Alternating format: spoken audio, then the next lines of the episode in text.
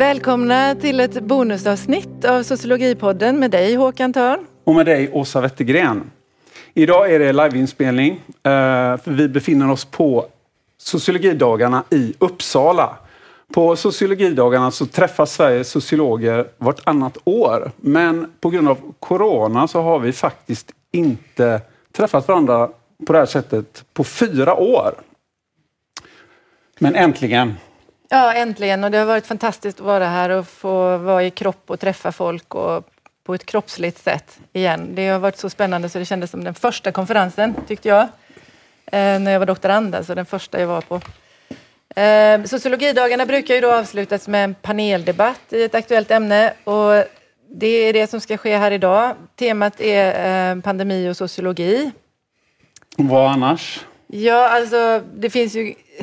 Temat för konferensen är ju då också eh, bortom krisen och det, det, låter, det känns lite halvnaivt i, i dagsläget. Eh, men det sattes ju i, i stort hopp för en, en, tid sedan, det här temat. Eh, det finns ju då, som vi alla vet, eh, ett krig eh, som kan riskera att urarta i Ukraina, som vi alla känner otroligt mycket med. Vi har också den senaste IPCC-rapporten Eh, och där kan man väl också tänka att den ena krisen avlöser den andra eh, nu för tiden. Men vi börjar med corona ändå, tycker jag. Ja, vi, eh, så, ehm, vi försöker fokusera ja. på en kris i taget, helt enkelt. ja, som sagt. Så, så att, eh, då ska vi introducera eh, våra gäster. Ja, vi har tre gäster med oss här idag och det är vi väldigt också glada för. Eh, alla har i text kommenterat coronakrisen utifrån sociologiska perspektiv, eh, mer eller mindre kan man säga. Men eh, de gäster som vi har, det är alltså Roland Paulsen, docent i sociologi.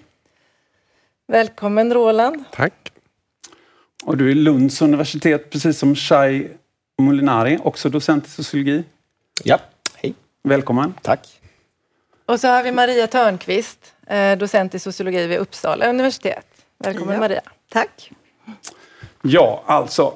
Eh, av alla kriser då, som eh, Åsa har räknat upp och vi skulle väl kunna lägga till ett antal fler. Men av alla kriser som vi upplever och har just upplevt så är det alltså Corona som vi ska prata om, ta avstamp i i alla fall. Och lite i backspegeln då eh, Förhoppningsvis. I och för sig eh, så har ju Kina just nu stängt ner en hel stad men vi utgår ifrån att vi lämnar detta bakom oss.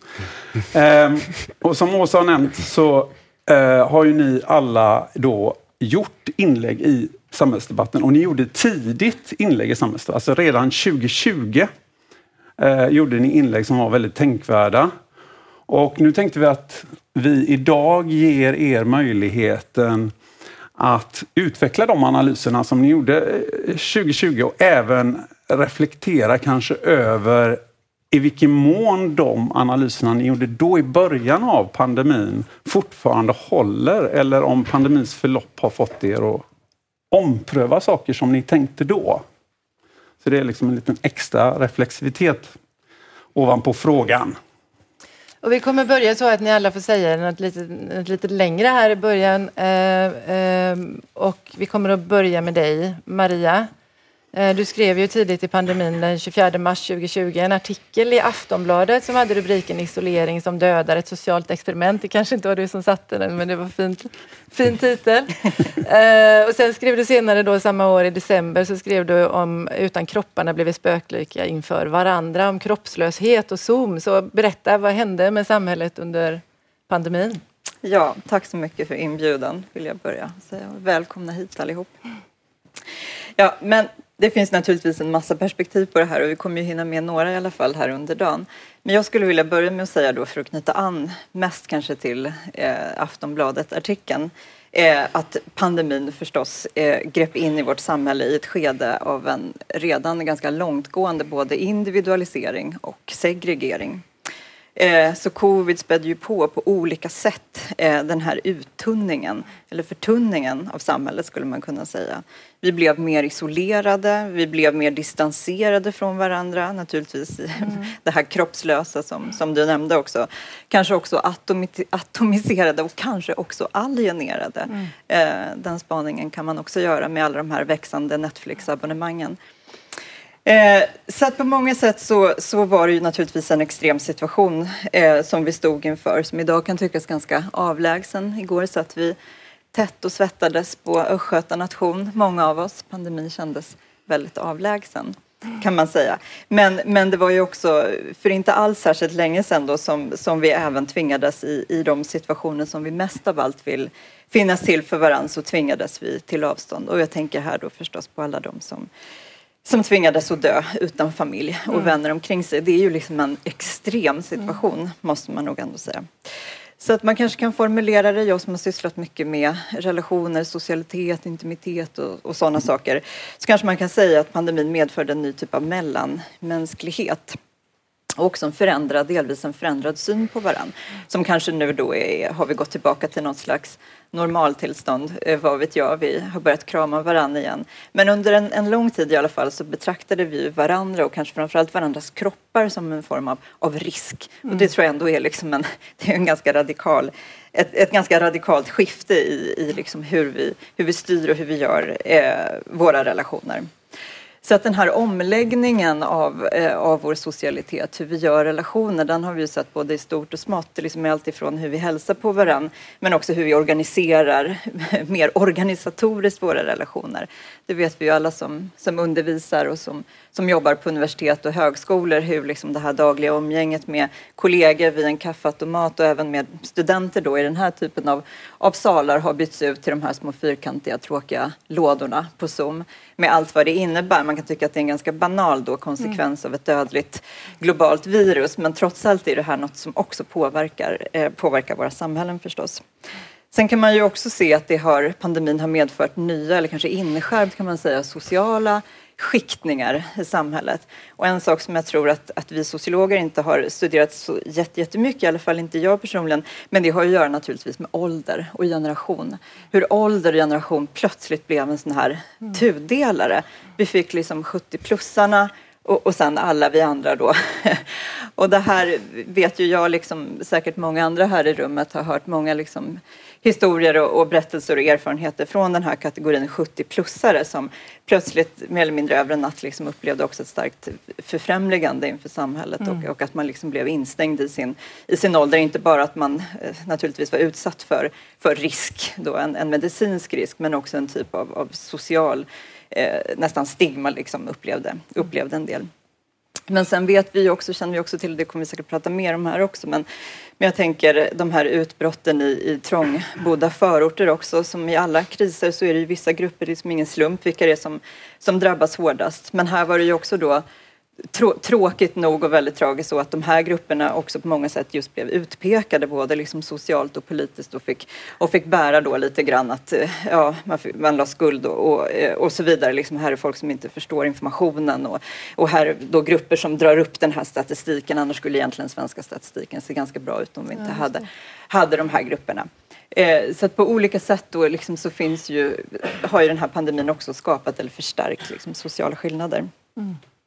Eh, men jag tror ju också att de här, att inte minst hotet om den här nedläggningen, det var ju det jag skrev om i Aftonbladet, mm. det här sociala experimentet, hur reagerar vi som, som samhälle på en, en sån här overklig, eh, overklig kris? Att, det också har, att den också har synliggjort vikten för oss alla på lite olika sätt av ett, av ett aktivt men också ett inkluderande samhälle. Att vi har tvingats att, att återvända till de här gamla sociologiska urfrågorna. Vad är ett samhälle? Hur är samhället möjligt? Eh, naturligtvis sånt som vi sociologer kommer ägna mycket tid åt tror jag när vi tänker kring, kring pandemin. Och jag tror också att vi som samhälle drabbades av, av någonting av en eh, existentiell svindel eh, av det här som hände. Och det här är också någonting som har förstärkts nu i och med Rysslands invasion av Ukraina och det faktum att vi står inför ett inför, inför krig i, i Europa. Så en känsla av att den här liksom, ontologiska grunden som samhället kanske bör vara, i alla fall i, i vår mest liksom, utopiska förståelse av samhället, men att den här liksom, grunden för allt dras undan. Och hur påverkar det här tilliten till, till rummet, till tiden, det har vi pratat mycket om, men också till, till varandra naturligtvis. Eh, men jag ska inte prata så mycket längre nu. Men jag vill bara också säga naturligtvis att man kan, att man kan vända på det här resonemanget och, och naturligtvis också liksom synliggöra allt det som skedde under pandemin i termer av att människor hjälpte varandra. Ni vet alla små lappar som satt i trapphusen. Är det någon som behöver hjälp? Jag går gärna och handlar. Eller, ja, ni vet allt vad det nu kunde vara. Och samtidigt ser vi ju också det här nu i och med Ukraina att åtminstone fram till idag så har ju världen står liksom enad eh, bakom Ukraina. Och jag tror att det pekar inte bara på vår önskan och vår vilja att, att hjälpa till men jag tror också att det, har, att det pekar mot en, ett behov av att upprätta det här samhället igen som, som vi uppfattar som lite uttunnat.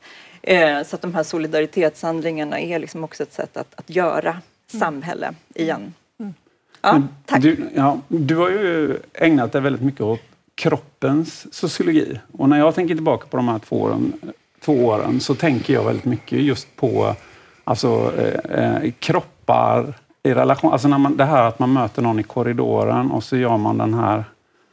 Eh, man tar det här steget åt höger eller vänster eller vad det blir liksom, för att hålla avståndet. Och man kramar inte kanske de andra än, än sina allra närmaste. Mm. Eh, Tror du att det här har satt sig i vårt kroppsminne eller kommer vi bara gå vidare och, som att det här var en parentes i, i våra liv? Ja, det där är ju liksom frågan efter alla sådana här typer av kriser eller liksom en om, omskakning av samhället på något sätt. Vad är det som består? Vad är det, vad är det vi snabbt glömmer bort? Alltså gårdagen tyder ju på att vi ganska snabbt kan glömma bort det här med socialt och, och, och, fysiskt avstånd. Men samtidigt är det ju också allt det här som är liksom ritualer, som det som sätter sig, de beteenden som verkligen sätter sig i kroppen. Man märker att man har lite svårt att skaka av sig dem. Mm. Att, att än idag, nu är det väl många här som jag inser att jag själv har kramat, nästan liksom kastat mig över här. Men, men det är ändå de, liksom, de, de sakerna tar lite tid innan, innan man, man överskrider. Um, ja. Gårdagen ska vi då berätta för de som inte var med var en jättestor middag med allsköns mat och inte minst dryck. Ja. Ja.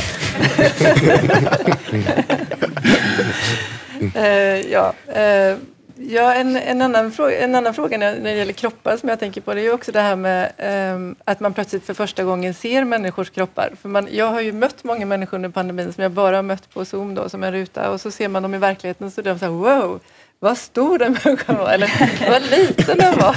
Alltså det, och plötsligt så, och det, det tillfogas en ny dimension till den person som man tänker att den personen är när man ser kroppen. Så att säga. Det, mm. det är ett väldigt intressant fenomen tycker jag.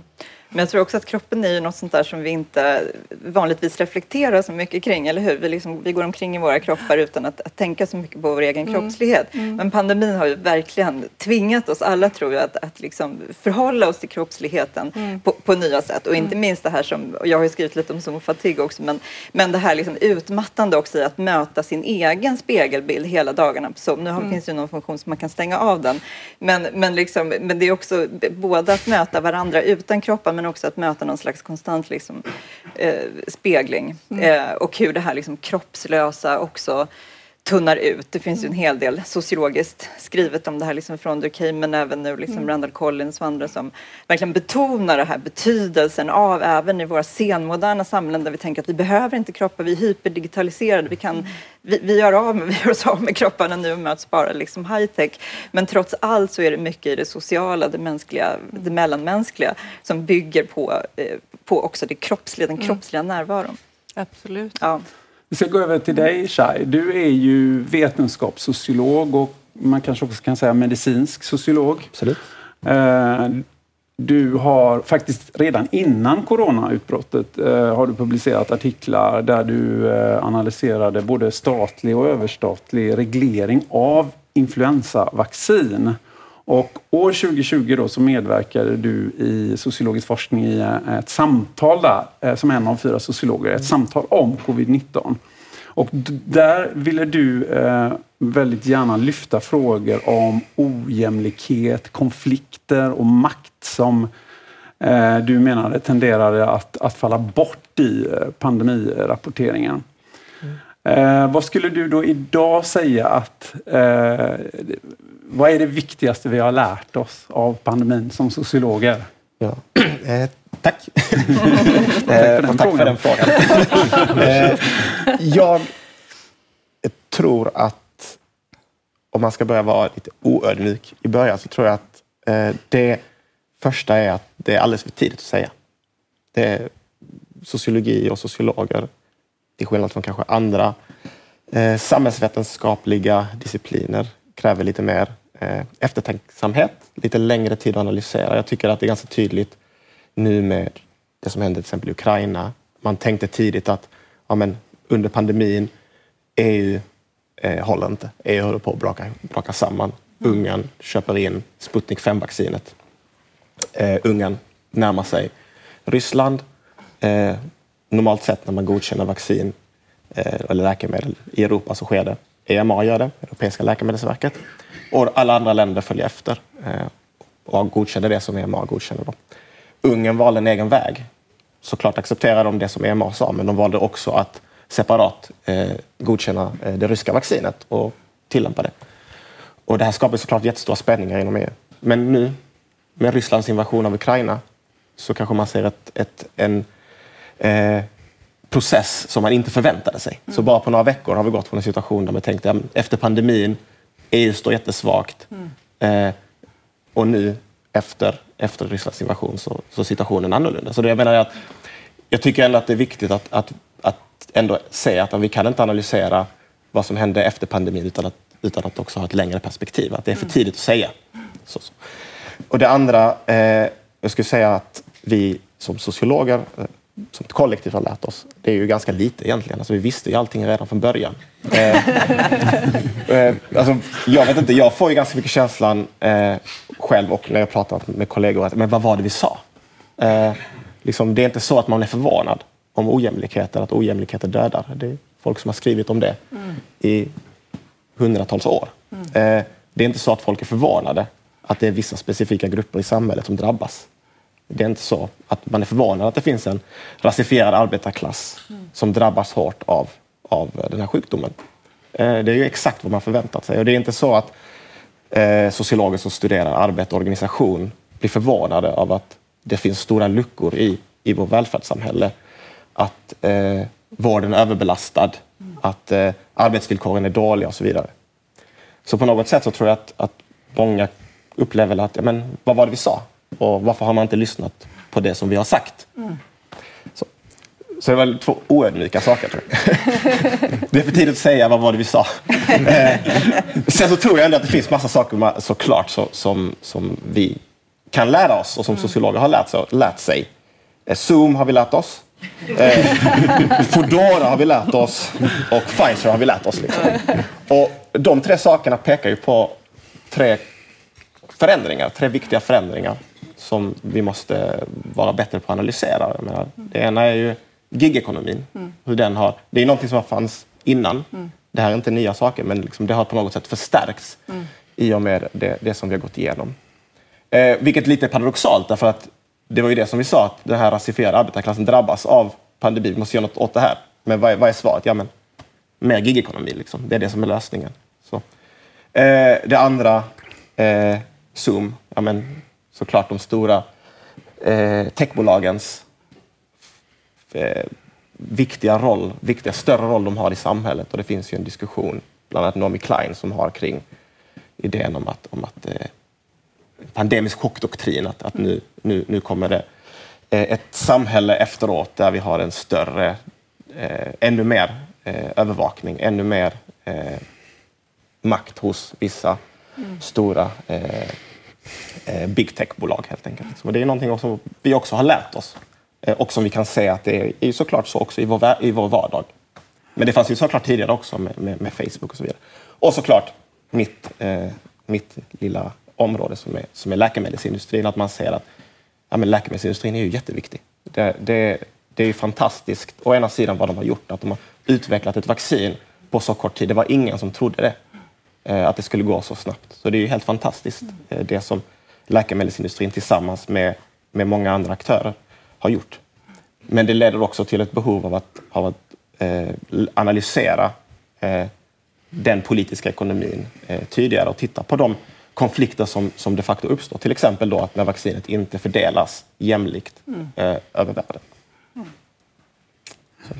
Precis. Eh, jag tänker också att det, det, var ju väldigt intressant att se hur den här nya nationalismen uppstod runt pandemin och inte minst då allt vaccin till oss, principen.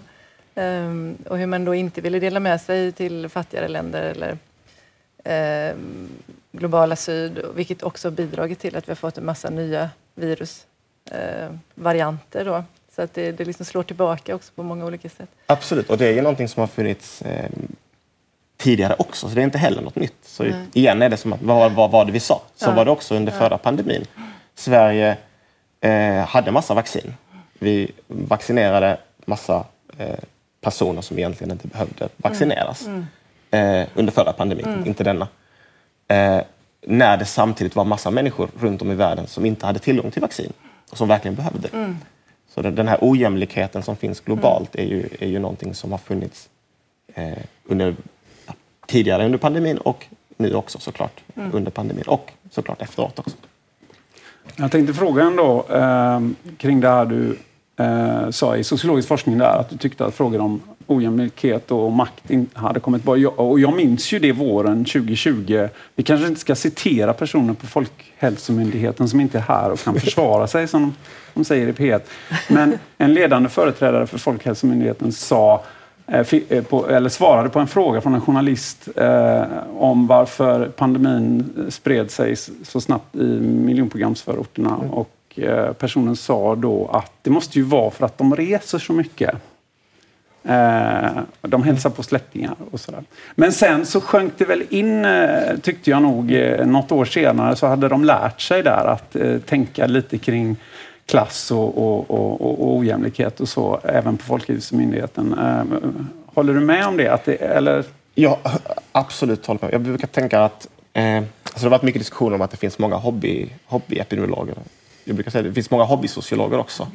Eh, och, eh, inklusive på Folkhälsomyndigheten. Eh, och eh, de har väl i och för sig efterhand accepterat väldigt mycket och det ligger i deras, deras historia också ett stort fokus på, på eh, att det är socioekonomiska skillnader. Men det som man inte diskuterar i Sverige när det gäller de här, när man då förklarar men vad, hur kan det komma sig att det finns de här ojämlikheterna, då säger man ja, men är det biologiska skillnader? Antagligen inte. Är det kulturella skillnader? Ja, vissa tycker det, andra tycker inte det. Ja, men det är socioekonomiska skillnader. Ja, men när vi kontrollerar för dem så finns skillnaderna kvar. Så, och sen slutar man där. Det man inte lyfter är frågan om rasism. Är rasism är någonting som kan förklara de skillnaderna vi ser. Och det som är intressant eh, är ju att i en bredare internationell kontext, om man tittar i USA eller Storbritannien, när man diskuterar, där man ser motsvarande skillnader, fast i andra grupper och ibland lite större i Sverige, ibland lite mindre. Där är frågan om rasism central som en mm. förklaringsfaktor. Eh, det, det förvånar mig att inte det har, har, har dykt, upp, dykt upp mycket mer. Mm. Både inom eh, debatten inom Folkhälsomyndigheten men också i det bredare samhället och mm. inom svensk sociologi. Ja, intressant. Eh, jag tänker att vi, vi återkommer. Eh, vi går vidare då till Roland. Hej! Du har suttit tyst länge här nu. Eh, din bok Tänk om, en studie i oro kom ut under 2020. Eh, I boken så driver du en, eh, som jag tycker, väldigt eh, rolig och väl... Äh, rolig är ju inte den, men den, det, det, är roligt skrivet och väl underbyggd då tes att problemet med all ångest och oro i vårt samhälle idag är att vi förlorat förmågan att leva med osäkerhet och att framtidshorisonten sträcks ut jämfört med tidigare samhällen. Samt att vi då individuellt och kollektivt är närmast besatta av att tänka på hur vi ska kontrollera och slippa all oro och ångest och kunna kontrollera framtiden, vilket ju är en omöjlighet eh, såklart. Eh, och där nämner du eh, covid ett par gånger. Jag tänker att du hann väl inte integrera det så mycket i din bok, men du skriver att medias hantering av pandemin är ett exempel, det senaste exemplet på detta när du, när du sitter och skriver. Ehm, kan du då se några långtgående konsekvenser, möjligheter, risker Eh, på social föränd till social förändring så att säga, eh, kopplade till de teman som du tar upp i boken då, med osäkerhet och trygghetsnarkomani och så vidare. Ja, men inte så mycket utifrån pandemin måste jag säga. Menar, det är ju en ironi som vi alla har nämnt nu att pandemin redan känns som yesterday's news. Alltså att vi är inne i en annan kris nu där vi liksom säljer slut på jodtabletter och plötsligt är det kärnvapenkrig som det handlar om och eh, hur man ska leva i skyddsrum och så vidare. Eh, och innan pandemin så hade vi det är mycket som är det värsta sedan andra världskriget. Då hade vi liksom den värsta flyktingkrisen sedan mm. andra världskriget och alla pratade om vilken enorm katastrof det skulle bli ekonomiskt framför allt, vilket det visserligen då inte blev. Eh, men sen innan dess så hade vi den värsta finanskrisen sedan depressionen. Ehm, och eh, där där ser jag det lite som att eh, sociologins uppgift är ju någonstans också att inte stirra sig så blind på det som för tillfället upptar mm. synfältet utan eh, någonstans här får vi fråga, vilket många sociologer gjort, alltså vad är det som gör att eh, eh samhället framstår som så skört i vår tid? Alltså vad är det som gör att den ena krisen bara verkar ersätta den andra och att vi hela tiden hamnar i det här undantagstillståndet där vi agerar utifrån nödvändighet. Och eh, ja, det är som jag sa inget som, ingen ny fråga egentligen utan eh, mycket av det jag skriver om i i den här boken Tänk om tycker jag egentligen att eh, Ulrich Beck formulerade för mer än 30 år sedan. Alltså att det är någonting med hur vi förhåller oss till risk mm. som radikalt förändrats. Eh, och att det dels då har att göra med att teknologin i sig skapar gigantiska risker som ja, kärnvapenkrig till exempel som vi tidigare inte stått inför. Men sen också att teknologin då eh, gör att vi kan se risker mm. eh, som vi tidigare inte kunde se. Samtidigt då som den, eh, ja, om det nu bara är teknologi, men samtidigt som vi i vilket fall har fått en allt större intolerans för risk, eller egentligen en idé om att eh, alla risker kan hanteras, alla risker kan minimeras om mm. vi bara har lite mer vetenskap, lite mer analys, lite ny teknologi av något mm. slag. Mm. Um, och jag tror att uh, det, det egentligen, uh, alltså om man vill hårdra det så rör det sig mest om en uh, väldigt uppskruvad rationalitet mm. där um, det, det, som utmärker då de här undantagstillstånden är just att det egentligen, det, vi får mindre och mindre plats Eh, med politisk och etisk reflektion kring vad, hur vill vi att samhället ska se ut? Eh, vad är liksom nästa steg mm. eh, ur någon slags eh, civilisationssynpunkt eller liksom upplysningssynpunkt? Allt sånt är som bortblåst. Det, allt, det debatten kokar ner till är eh, hur ska vi hantera den här risken som mm. vi nu, just nu står inför? Och sen så kan då värdeomdömen komma in i det, eh, i den riskanalysen, men eh, bara i relation till eh, ja, bara med någon slags konkurrerande riskanalyser. Mm, mm. Så man kan då till exempel eh, i, under pandemin få den här debatten kring att ja, eh, nu måste vi isolera oss för att vi ska undvika risken för att så många dör. Och sen så kan man då göra en eh, Ehm, en konkurrerande riskanalys där man, eh, som Maria var inne på, ehm, eh, frågar sig okay, men vad, hur kommer isolation, isolationen påverka oss? Vad kommer det leda till i termer av ohälsa och så vidare? Mm. Eh, och där eh, verkar det som att hela den politiska debatten egentligen eh, har blivit en fråga om konkurrerande riskanalyser. Så vänstern har sina riskanalyser som kanske mer har med eh, klimat att göra, mm. rasism och så vidare. Eh, Medan högern då talar mer om eh, kriminalitet eller risk för ekonomisk stagnation eller ja, olika typer av förslappning och så vidare.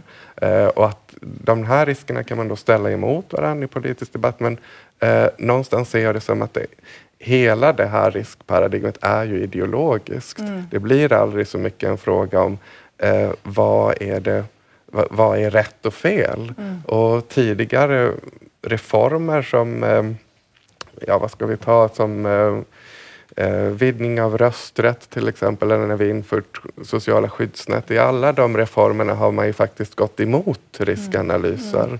Så det har alltid funnits en konservativ konservativ kritik där man sagt det här kan vi inte införa för de här personerna kommer rösta helt galet eller det här kommer leda till social degenerering eller mm. massa, såna, mm. massa sån kritik. Men det man har gjort där är att ändå införa det och egentligen inte i kraft av en alternativ riskkalkyl mm. utan eh, med argumentet att ja, men det är rätt. Att göra det här mm. och sen får det kosta vad det vill. Mm. Och vi är väldigt långt ifrån att ha den typen av, um, av politiska visioner idag. Um, så det är väl um, det enda jag tycker man kan ana av framtiden, att det blir en sån uppskruvad uh, rationalitet med uh, riskkalkyl på riskkalkyl. Mm. Alltså jag tänker att där blir det ju också så här att man dels befinner sig i risk hela tiden och sen så hamnar ju då kanske den största risken av alla den här klimatkrisen lite i bakgrunden. Så medan vi håller på med krisen nu, krisen nu, krisen nu, krisen nu så hinner vi aldrig riktigt ta tag i den eller som faktiskt ställer väldigt viktiga frågor om, om hur vi vill att samhället ska vara för vi kan inte fortsätta eh, på det här viset eh, med ständig tillväxt och ständig eh, exploatering av planeten och så vidare. Mm. Um, så, ja. Ja, där, det, det är sant att klimatkrisen i och med att den är så mycket större ändå på mm. något vis och är mer eh, antagligen kräver en, en rejäl omställning så framstår den som mycket mer politisk. Mm. Eh, och, och, det håller jag med om att den nog är, men eh, eh den blir ofta eh, in, inom vänstern då en slags ursäkt för eh, eh, socialistisk politik som mm. tidigare mer vilade på värdeomdömen. Mm. Och jag är inte säker på att det är rätt väg att gå. Mm. Eh, för även om vi talar om att eh, slutmålet med att avvärja en klimatkris så, så, behöver det inte innebära någon större samhällsomställning. Alltså det är ju en teknologisk fråga mm. i grunden. Mm. Och det intressanta är att många eh, klimataktivister och så, så, går ju mer och mer nu mot att eh, eh, ja, men förordar mer av kärnkraft. Mm. Eh, och det kan man ju faktiskt föreställa sig mm. som en, ett sätt att radikalt minska eh, utsläppen, att vi får en massiv utbyggnad av mm. kärnkraft och då kan man fråga sig i nästa steg, är det en utopi? Är det, mm. liksom en, är det verkligen en, en så radikal omställning av samhället? Det är ju inte eh, det. nej, jag. så på någonstans tycker jag nog även att klimatkrisen grundar sig i en instrumentell frågeställning. Mm. Hur ska vi undvika det här så att vi kan fortsätta leva mm. som vanligt? Precis. Jag skulle vilja fråga, du pratar om de politiska kopplingarna och jag tänker på en studie som gjordes av några amerikanska statsvetare där de försökte hitta ett mönster i vilka som röstade på Trump. Och det de kom fram till då var att det var delvis alltså klass Eh, det var delvis klassöverskridande, eh, men eh, det var en gemensam faktor i att eh, man upplevde statusförlust. Och det kunde ju vara statusförlust eh, män i relation till kvinnor, men också naturligtvis klassaspekten. Eh, så. Eh, och jag tänker, det kan man översätta till eh, det som du pratar om som oro. Alltså oro för eh, statusförlust. Liksom. Eh, rädslan att falla kan man också ha. Jag tänker, med en sån här eh, kris då, som vi har sett nu under två år, där vi också sett att eh, ojämlikheterna kanske har ökat och så.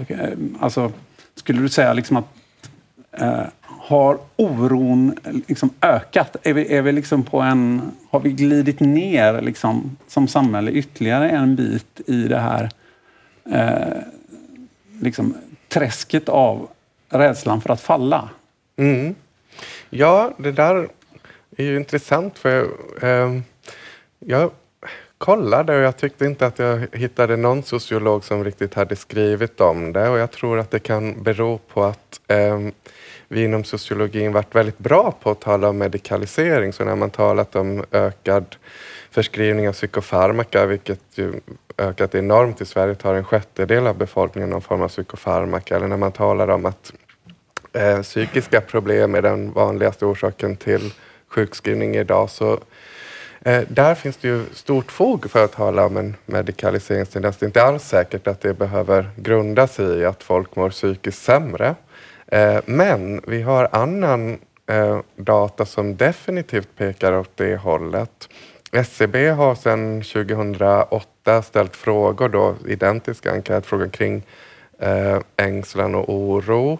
Eh, Folkhälsomyndigheten har frågat framförallt barn eh, sedan 80-talet om upplevelser av ängslan och oro, nedstämdhet och sömnproblem och en mängd andra saker.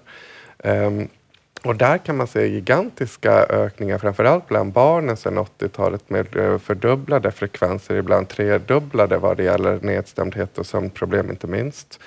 Um, och det är väldigt svårt att förklara bort allt det med um, medikalisering. Eller I så fall kan det, ska man nog vara öppen för att det rör sig om en medikalisering som också påverkar hur vi de facto mår. Mm. Uh, så um, någonting har nog hänt vad det gäller oro. Det finns bra eh, data som, som stödjer det. Uh, på en mer fundamental eh, grund, just i kop kopplat till pandemin, tror jag eh, också man logiskt kan härleda att det finns en stor erfarenhetsförlust i allt det här att eh, de stora kriserna vi står inför, de stora riskerna, är sånt som vi inte ens kan uppfatta med våra sinnen. Eh, så pandemin är inget vi uppfattar med våra sinnen. Vi kan se enskilda personer som dör, men vi kan inte se att det är en pandemi. Vi kan inte se att det är en klimatkris heller, utan allt det här kommer från vetenskap, från experter som säger att vi har sett det här med våra instrument eh, och de flesta av er kan inte se det. Utan ni kanske upplever det som att det är naturligt och bra att ge en kram till en person, men det är egentligen en gigantisk risk. Mm. Uh, och där menar jag att det, liksom är, det, det, är ett jätteproblem som jag, inte ens, som jag inte har något svar på hur man bör hantera. Men med moderniteten, hur långt det har gått nu med um, den makt som information har över våra liv, så sker en stor erfarenhetsförlust. Att vi upplever att vi inte kan lita på våra sinnen. Det finns osynliga risker, vilket i, privat, i det privata tror jag uppmuntrar till fantasier om hur livet kan gå åt helvete på en mängd olika sätt, där det egentligen bara är fantasin som sätter gränser. Eh, ja, jag tänker vi... Ja, jag tänkte, ja, vi, ja, vi kanske ska ge er tre en möjlighet att samtala lite med varandra. Alltså att kommentera på det som eh, har sagts. Är det någon... Vill du börja Roland? Eller har pratat så mycket? Eller ja, någon, nej, jag, tänker, jag tänker en koppling här mellan det som ni skriver, alltså konsensus och kris till exempel. Du skriver ju om konsensus, Shai, och, eh, och hur det tenderar att eh, på något vis bli någon slags allmän över hela politiska fältet idé om att så här ska landet styras nu när det är kris. Och, och man kan ju tänka sig att kris på kris då gör att det här ökar och att det blir mindre konflikt och mindre debatt och så. Um, Eh, Eh, men samtidigt så har vi i viss mån då den här frånvaron av någon slags etiska rättesnören. Vi har liksom expertis som kastar oss hit och dit med olika råd och, och så. Vad, vad, får det liksom för effekter, tänker jag, på, på, om vi nu tänker oss att samhället kommer fortsätta på det här viset? Vad, vad händer då med de politiska visionerna som inte finns nu men som skulle behöva finnas i och med klimatkrisen inte minst då och så? Vad, vad tänker ni om det allihopa?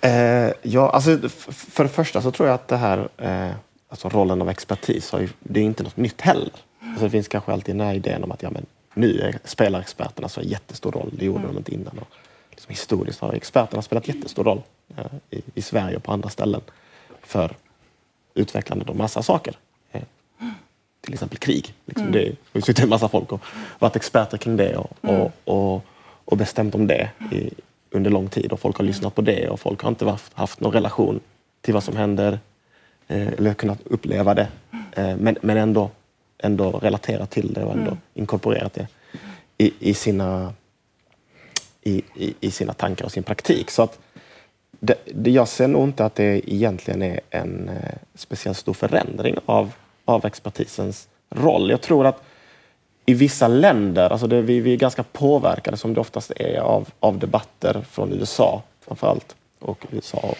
delvis Storbritannien. Och där det har blivit en väldigt stark politisering. Eh, och, och, för oss, från ett svenskt perspektiv, så blir det nästan eh, absurt ibland att se därför att när då Sverige används som ett exempel och man mm. inser att allt de pratar om Sverige har egentligen inget med Sverige att göra utan det har att göra med debatter mm. mellan demokrater och republikaner i USA eller mellan Labour och de konservativa i, i, i Storbritannien. Mm. Eh, så I vissa länder så har ju kanske skett en ökad politisering av, av, av expertis. Om det har skett i Sverige, det vet inte jag om det är sant. Alltså jag, jag tror att, att vi har en ganska en tradition eh, som, eh, som är ganska stabil. Där expertisen håller sig någorlunda fri från politiska ja, eh, konflikter. Så, mm. det, det, kan ju vara, bero säkert på, på område, men jag menar jag tänker, i mitt eget fält som liksom läkemedelsindustrin och läkemedelsreglering finns det väldigt lite politisk inblandning mm. i, i, i, det.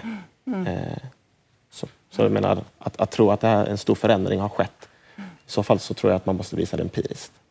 Men, men, frågan om konsensus, alltså, vi hade då under influensa, mm. tidigare influensaepidemin, då hade vi plötsligt en jättekonsensus om att alla skulle vaccinera sig i Sverige, mm. vilket var unikt i världen i princip. Och sen eh, hade vi, har vi nu i och med Ukraina, alltså, covid, covid ledde ju också till en viss eh, konsensus naturligtvis och sen började folk bråka när de trodde att det var över. Men, men nu tänker jag, i och med Ukraina så har vi plötsligt konsensus runt NATO, eller på väg dit ja. på något vis. Så det, kriserna politiseras ju hela tiden också. Jag menar, konsensus är ju ett, är ju ett eh, behövs. Uh. Så det är ju ett, ett, ett, någonting som, som Gramsci har skrivit om mm, mm, och pekat på. Liksom. Så det är, ingen, det är ingenting som, som är nytt heller. Liksom. Det är någonting som folk kämpar över och behöver och det skapas och det ifrågasätts och så vidare.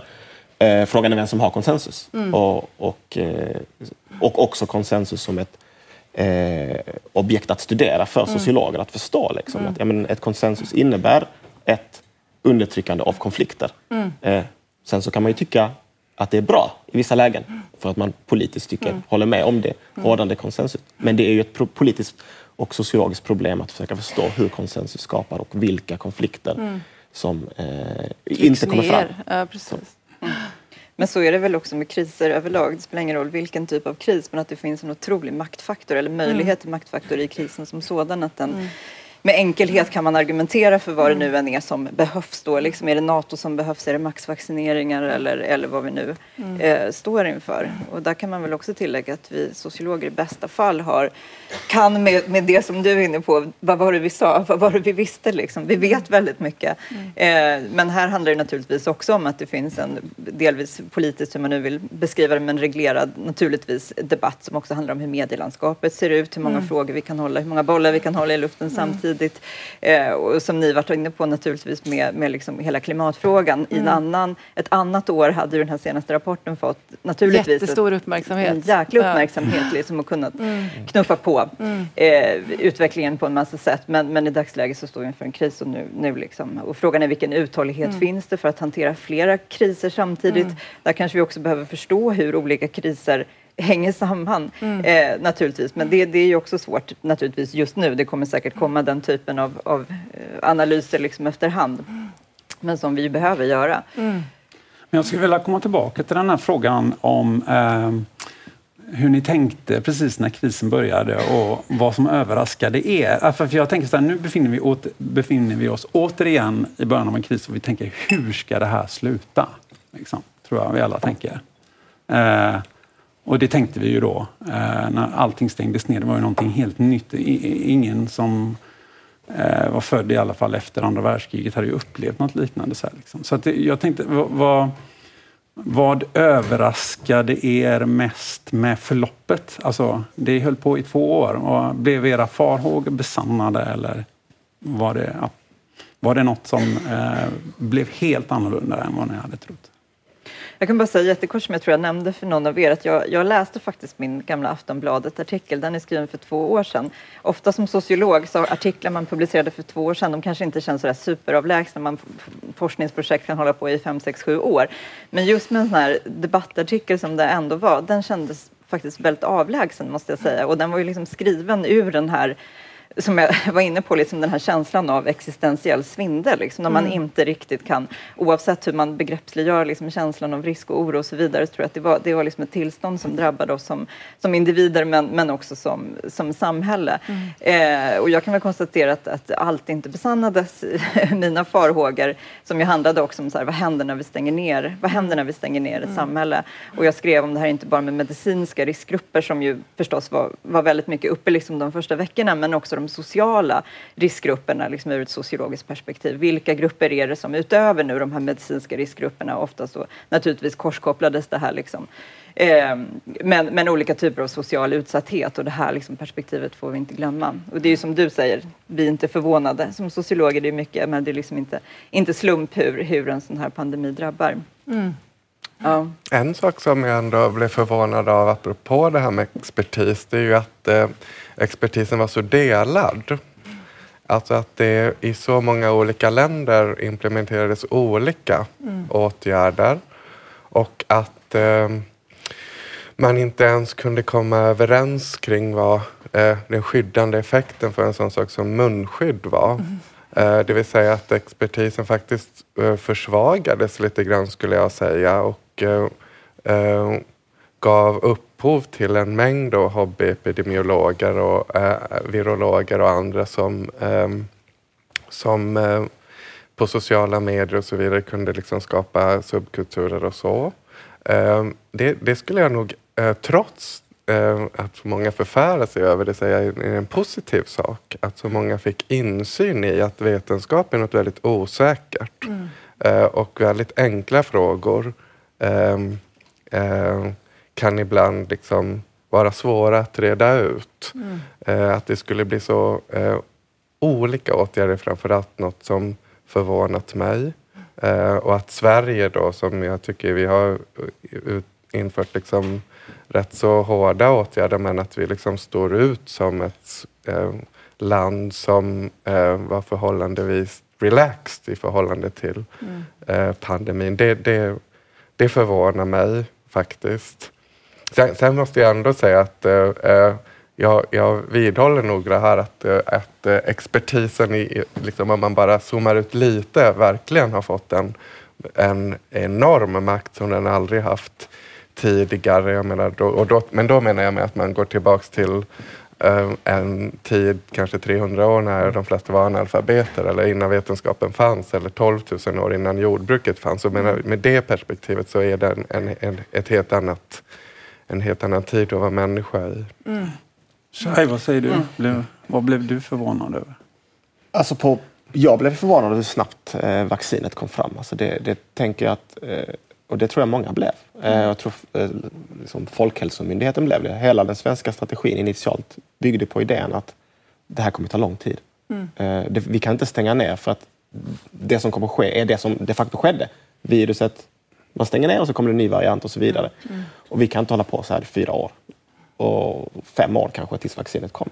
Och sen så gick det på ett och ett halvt år eller mindre. Det, det tror jag är extremt förvånad över att det blev det.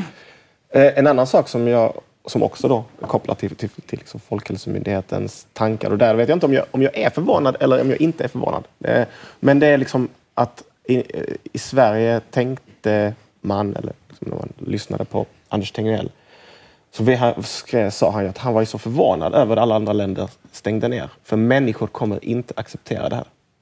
Den där idén om att eh, människor är det här liberala subjektet som, som, som, som inte kommer acceptera att bli instängd. Mm.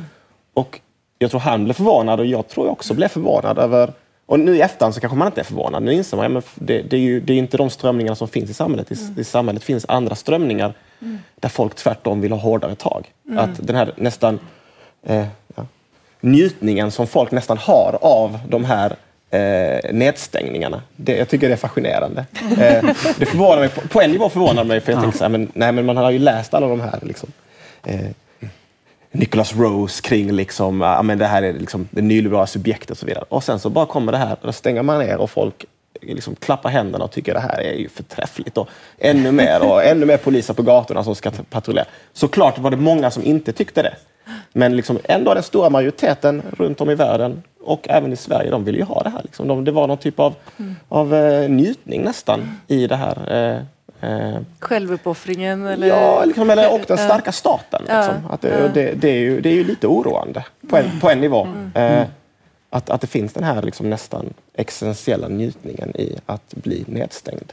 Alltså det kan man sätta lite i perspektiv. Eh, jag tänker man kan sätta det lite i perspektiv med det du skriver om alla val vi måste göra som nyliberala subjekt och så. Mm. Att, att vi liksom längtar efter trygghet och att arbetet är en trygg, trygg sfär för där vet vi vad vi ska göra och behöver inte välja och sådär. Mm.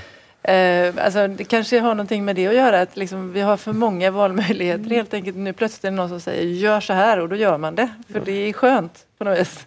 Och, och så veta då att det är, är det rätta enligt våra experter, så att säga. Jag vet inte, vad ja, framförallt så är, tror jag det fanns en njutning i den här ödesgemenskapen. Mm. Uh, och det är ju en sak med oro, att jag tror, liksom, jag tror att det är väldigt få som har gått till eh, någon psykoterapeut för att få hjälp med sin oro för pandemin. Mm. Eller för sin oro med klimatkrisen, även om det säkert finns de också. Mm. Den värsta oron är ju alltid den privata, ofta mm. skambelagda. Mm. Men här fanns det liksom något gemensamt som mm. vi kunde eh, fokusera på ett tag. Uh, och det, ja, det, det är läskigt men också eh, intressant mm. att, det, att, det, att det kan fylla en sån roll. Mm. Mm. Vad säger Rosa, ska vi släppa in publiken? Ja, det kanske är dags för det, mm. tänker vi. Om det finns eh, Då ska vi få lite assistans här med en mikrofon och så kan ni väl eh, räcka upp handen. Och jag tror att vi kommer att eh, upprepa era frågor här framme också. Så att vi är säkra på att de kommer med. Nu ser jag knappt någonting. Så jag får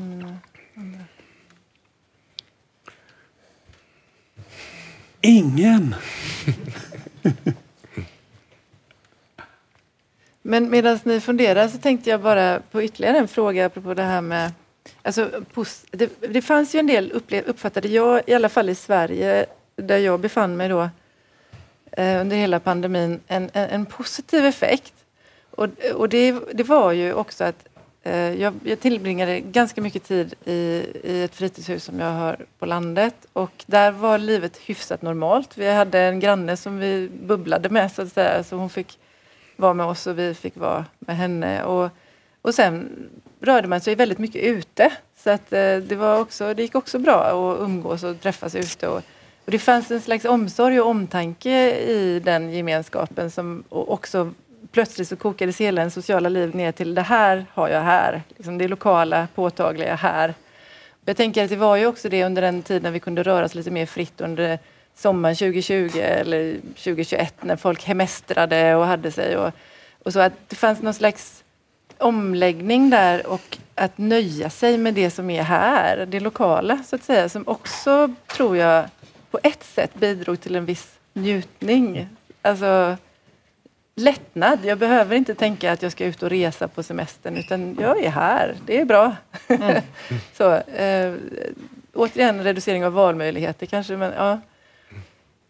Du... Ja, nej, men jag tänker också i relation till liksom klimat eh, eller hela liksom miljökrisen och så vidare där ju vissa uppmärksammade just det där som en typ av men kanske får vi nu äntligen en paus i mm. den här accelerationen som, som bara pågår, liksom, den här eviga mm. tillväxten och vi kan få fatt i de här värdena som vi kanske inte riktigt ens en gång ser när vi är inne i, i mm. loopen. Liksom. Men å andra sidan så tänker jag också lite som det du var inne på att det också föddes liksom naturligtvis genast när vi får den här pausen så finns det de som också profiterar på, på pausen så att säga. Mm. Alla de här nya liksom slavliknande mm. arbetena ja. som uppstod med, med, med liksom människor som, som cyklar runt med pizzor och, och allt vad det nu än är. Liksom. Så att, å ena sidan och å andra sidan tror jag eh, väldigt mycket. Och vilka var det som hade möjlighet återigen liksom, att, att flytta ut till sin sommarstuga och, mm. och sitta där. Vi universitetsanställda kunde ju klaga på Zoom liksom, men, men det var ju också en ganska skön, återigen liksom en, en njutbar paus på, på många sätt. Eh, medan sen var det andra som, som var cykelbud mm. eh, i det här. Så att mm. ojämlikheterna återigen liksom, möjligheten att känna den här delade, att, att dela den här ödesgemenskapen. Jag, jag känner precis liksom, verkligen, och det här känner man ju nu också med Ukraina, nu liksom hela världen, inte bara som nation utan hela Europa, nu står vi bara, mm. men liksom vilka ingår, återigen vilka mm. är det som känner, känner sig som en del av den här gemenskapen, mm. vilka är det som krävs? Vilka sysslor så att säga mm. krävs för att vi ska också backa upp känslan av, av gemenskap? Ja. Mm. Naturligtvis den ojämlikheten och så. Jag vet inte om vi har en fråga Nu har vi en på fråga gång från publiken. Ja. Um, jag säger så här. Nej, bara lite, jättekort den här tolkningen som du hade med att, eh, att nedstängning tyder på, eller eh, skulle vara en tecken på att människor vill ha mer regler och så. Det kan jag inte riktigt hålla med om för de mest auktoritära strömningar kommer ju från vaccinmotståndare och, och alltså auktoritarism är ju på den andra sidan så att säga. Kan man inte säga tvärtom att det är bara en tecken på att vi har en mer sofistikerat frihetsbegrepp i samhället. För människor förstår ju att när man stänger ner någonting att det bidrar till frihet. Så snarare än att säga det är ett tecken på att människor inte vill ha den eller något sånt. Att det är snarare tvärtom. Att vi har en mer sofistikerad bild på någonting. Och kanske att Sverige framför allt har faktiskt en ganska vulgär frihetsbegrepp, en väldigt egoistisk frihetsbegrepp. Så jag skulle säga att pandemin var snarare en, en avtrålning av det svenska samhället um, på det sättet. En, ett samhälle som är väldigt egoistisk på det sättet, mer neoliberal och gör det lättare att, att offra människor som inte bidrar längre i form av arbete, så att säga. Man kan absolut se att det var på högerkanten som protesterna var som störst i länder som verkligen stängde ner. Men eh, jag har svårt att se att det måste grunda sig i att eh, högern då är mer auktoritär på den punkten. Jag kan tänka mig att vi kan ha en ganska auktoritär vänster också som är så öppen för att stänga ner och stänga in människor. Och huruvida Sverige var eh, ett nyliberalt exempel på att vi bara offrar gamlingar här, det går ju nästan att mäta i form av överdödlighet. Så jag tror att Sverige klarade sig ganska bra. Mm. Uh, så att det, um, ja, det, men det är svårt. Det är en intressant tanke måste jag ändå säga. Mm. Mm. mm.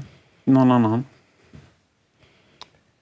Ja, alltså, jag, jag förstår eh, kommentaren, men jag, jag, tänker att, att den här auktoritära tendenserna som jag pratar om, det, liksom det, det, precis som Roland sa, liksom, det är ett bredare perspektiv om, om, om vilja att, eh, att de facto lyssna på expertis. Att, att vara del av ett konsensus helt enkelt. Att få njutning av att vara del av, mm. av konsensus. Att det är väldigt, väldigt skönt. Mm. Eh, det finns inget bättre än att vara del eh, i en gemenskap. Mm. Och att folk eh, har letat efter det och får väldigt mycket eh, bekräftelse av det. Eh, så, så liksom, det, det kanske är det snarare som... Men det kan man koppla till det du skrev initialt, Maria. Du fruktade liksom att verkligen att människor skulle bli helt atomiserade, isolerade. Och sen kommer eh, politikerna och Folkhälsomyndigheten och, och, och erbjuder människor att identifiera sig med den här eh, på något sätt kollektiva gemenskapen i... Och sen så tänker jag också en annan sak som, som också kopplat till det som jag... Det, det är också den här i frågan om solidaritet som har varit så stark liksom, eh, i de här diskussionerna. Det är också en del. Jag menar, det, det är också ett, ett konsensus och det är också någonting som folk, många har, har, har liksom längtat efter skulle jag säga och har fått genom pandemin. Och det är ju mm. fint på många sätt. Eh, samtidigt som det såklart funnits, alltid finns spänningar i solidaritet. Att det, det, vissa liksom, ungdomar, barn och ungdomar förväntas vara solidariska med äldre. Mm. Och liksom, många äldre har ju varit de som har tyckt att man ska stänga ner. Och, att det, att det, och det kan man förstå utifrån deras perspektiv. Och, eh, samtidigt som jag kan också se liksom, eh, att eh, nu med klimatkrisen så är det dags att vända på det. Mm. Alltså nu, nu är det dags för de grupperna som, som, som, ja. som, som, har, som har visat solidaritet mm. under pandemin. Mm. Då är det väl dags för dem som, som eh, de grupperna visar solidaritet för mm. att eh, också visa solidaritet under klimatkrisen. Och den ser jag inte. Mm. Så att liksom den solidariteten är inte reciprok. Och det är ju ett jättestort problem. Mm. Och där, så det är någonting som jag tror man måste gå, liksom, eh, prata mer om. Nu har vi en fråga till. Hej, tack så mycket. Det går bra. Ja, eh, man pratar i en mikrofon, mikrofon så händer ingenting. Eh, nej, men jag funderar lite på, jag uppfattar liksom att svenska strategin till skillnad från vissa andra länder har byggt ganska mycket på att man utnyttjar sociala normer och man liksom rådgör folk att stanna hemma och inte träffas, hålla avstånd istället för att förbjuda och reglera med lag och stänga ner på det sättet. Jag funderar på vad ni tänker om det. Det finns ju liksom, jag tänker ju att det kan vara både för och nackdelar såklart. Liksom att Å ena sidan så kan det ju innebära en större frihet för individen och man använder mindre tvångsmedel. Å andra sidan så gör det också att det kanske involveras ganska mycket så här dåligt samvete och normer och skuld och gör man rätt och man måste bedöma efter varje situation. Så jag funderar lite på hur ni tänker kring det. Ja, jag kan ta och upprepa den frågan också. Alltså, är det inte så att eh, Sverige har styrt med normer och råd? Eh, och, och, då kan jag inte låta bli att flika in i, i samband med den här diskussionen om, om det, Sverige reagerade på ett nyliberalt sätt eller inte. Så kan man, vi tog ju upp i, i en tidigare podd just det här begreppet responsibilisering. Eh, alltså att man styr genom eh, reglerad självreglering. Det var ju egentligen den svenska strategin. Mm. Eh, så finns det då inte där ändå ett nyliberalt element i den svenska strategin? Att man man styr genom, genom normer snarare än lagar. Men det är en konstig definition av nyliberalism i så fall, att uh, nyliberalismen styr med normer. Alltså det, då har vi vidgat idén av vad nyliberalism är. Men, uh, jag uppfattade ju inte det så mycket som att man räknade på äh, hur många år har de här gamlingarna kvar? Äh, men det är inte så lång tid. Ja, vi, vi kan ta den här risken. Jag uppfattade det inte riktigt så. Men jag, jag tror Shai har mycket bättre inblick i hur mm. man tänkte på Folkhälsomyndigheten eh, mm. kring, kring det här. Eh, alltså vi har gjort, eh, eller jag har varit med i ett projekt där vi har gjort intervjuer faktiskt med Folkhälsomyndigheten. Och det, så har de ju absolut inte resonerat. Det finns inget sånt. Eh, och Eh, jag tycker det är lite förenklat att säga att Sverige har styrt genom normer. Sverige har också haft ganska hårda nedstängningar. Alltså det, vi, vi var ju instängda. Eh, så, och alla länder har under pandemin haft både och mm. eh, vid olika tillfällen. Så, så det är klart att Sverige har, har i, i vissa perioder stuckit ut, i andra perioder inte stuckit mm. ut. Eh, men som jag sa från början så tror jag att det väl hade delvis att göra med en eh, felbedömning kring hur snabbt vaccinet skulle komma. Mm. Eh, och sen så tror jag också att, att, att, när Anders Tegnell och de andra var hobbysociologer så tänkte de att folk kommer inte acceptera nedstängning. Mm. Eh, och blev jätteförvånade när alla andra länder eh, stängde ner och folk accepterade nedstängning. Mm. mm. Så, så det tror jag också är en annan, en annan eh, dimension i det. Men jag, jag, jag, tror inte att man kan säga så att Sverige har styrt med liksom det här responsabiliseringen bara. Utan den finns absolut i den svenska strategin, men det finns i alla länders strategier. Mm. Jag, jag, tänker också på den här frågan om hur olika också samhällssektorer drabbades av de här restriktionerna som också ligger ganska långt ifrån egentligen att det bara var individens eget ansvar. Om man jämför till exempel hela kultursektorn, inte hela kultursektorn, men delar av kultursektorn som som ju gick på knäna eller, eller, eller helt stängdes ner kan man säga medan mm. vi såg att det gick ganska bra att shoppa i stora gallerier under, under nästan hela pandemin. Eh, så det var inte bara så heller att den enskilda individen hade så att säga, möjlighet att bestämma hur man skulle förhålla sig till restriktioner utan det fanns ju också det här, det här de här nedstängningarna, de, mm. de gällde, eller de slog ju till liksom mot mm. olika delar av vårt samhälle. Precis. Sen så tror jag också en, en ytterligare dimension i det här som oftast glöms bort, som jag spekulera här nu, det är att jag, jag tror att, att frågan om genus också är väldigt central i den svenska strategin. I det att i andra länder så ja, men du kan stänga ner skolor och förskolor mm. därför att eh, det finns en, en arbetsställning som gör att kvinnor stannar hemma med barn. Mm. Men i Sverige är det inte så. I Sverige, Sverige så arbetar kvinnor i stor utsträckning. Att stänga ner förskolor och skolor, stänga ner samhället får en helt annan effekt mm. i, i ett jämställt samhälle. Mm.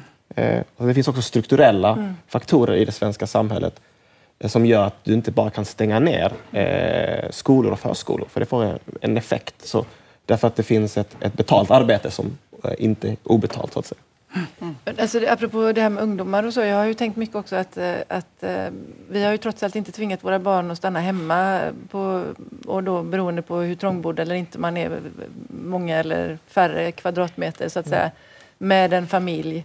Som jag också tänker, det, det har också varit eh, diskussioner om våld i nära relationer som har ökat och, och sådana saker som man har blivit så här hänvisad till varandra och sådär. Vi har ju till skillnad från Spanien då har våra barn fått vara ute och leka och de har fått vara, träffa sina kamrater och leva ett så hyfsat normalt liv som möjligt. Så att säga. Eh, och det tänker jag ändå är, har varit en, en, positiv sak. Nu vet jag inte, det, effekterna kanske kommer att ses på lång sikt men, men det är faktiskt någonting som jag är tacksam för när det gäller den svenska strategin. Um, att våra barn kanske inte mår så dåligt som, som de hade gjort om vi hade gjort så. Finns det en fråga till där? Ja, jag eh, och två kollegor har försökt förstå oss på hur liksom de olika reglerna har upplevts i olika nationella kontexter, för vi befann oss i tre olika länder när pandemin slog till. Och om ni har några reflektioner kring det. Men också, jag undrar om ni tror att isoleringen eller upplevelsen av isolering har förstärkts i och med att Sverige är ett sådant individualistiskt samhälle eh, som främjar just liksom kall och eh, icke-emotionell rationalitet. Tack. Ja. Isoleringsexperten. Ja, precis. Isoleringsexperten. Ja. Nej, men det är jättespännande. Jag har också liksom funderat mycket i de där banorna. Det finns ju det här begreppet att Sverige är en form av statsindividualism. Alltså att vi har byggt den här välfärdsstaten som vi har byggt upp. Nu är den ju på dekis, men, men att det har handlat inte om att sta, skapa ett starkt kollektiv utan att det har handlat om att skapa just frihet för individen. Att när vi blir av med vårt jobb, när vi blir utslängda över lägenhet så ringer vi staten, vi ringer inte mamma.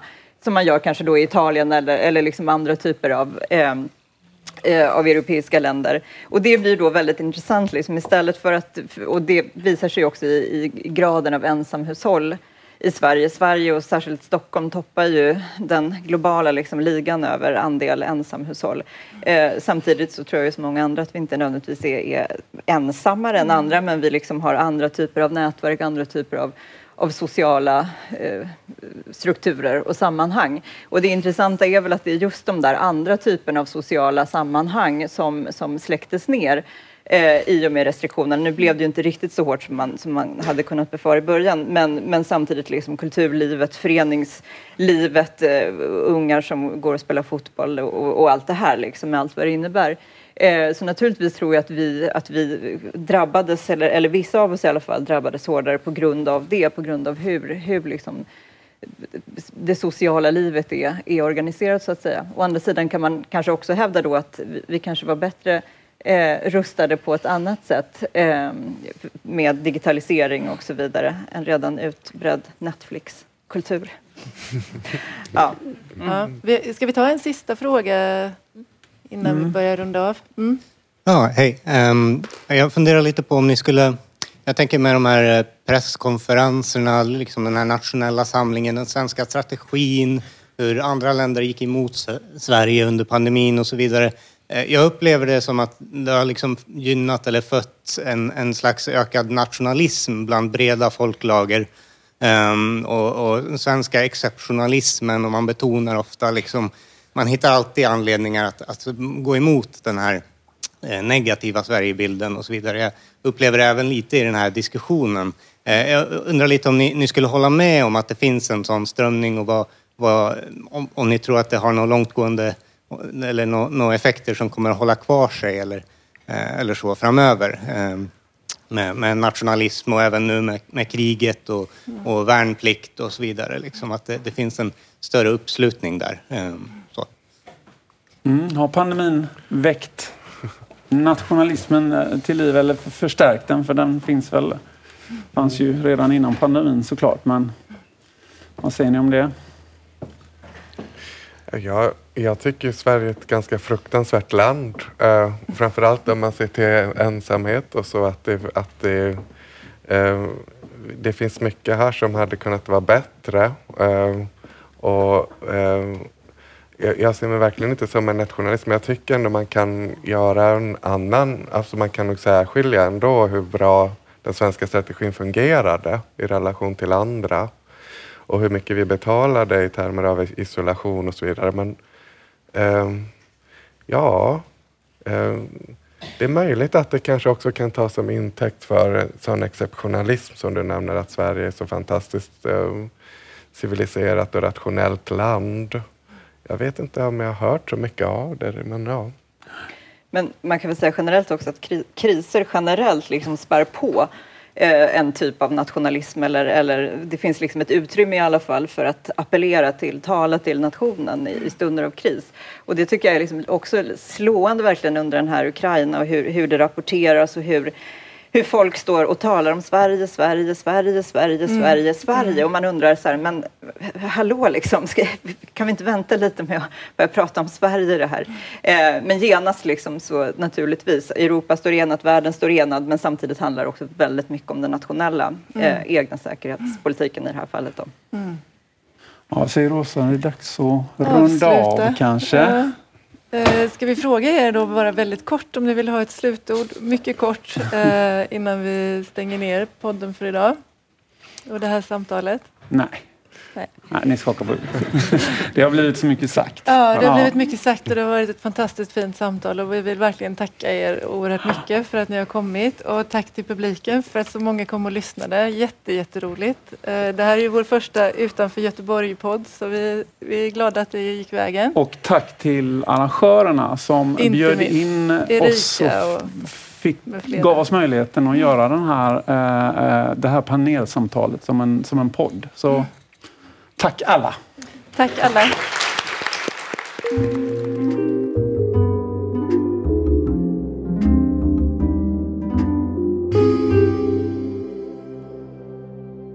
Den här podden finansieras av Institutionen för sociologi och arbetsvetenskap på Göteborgs universitet.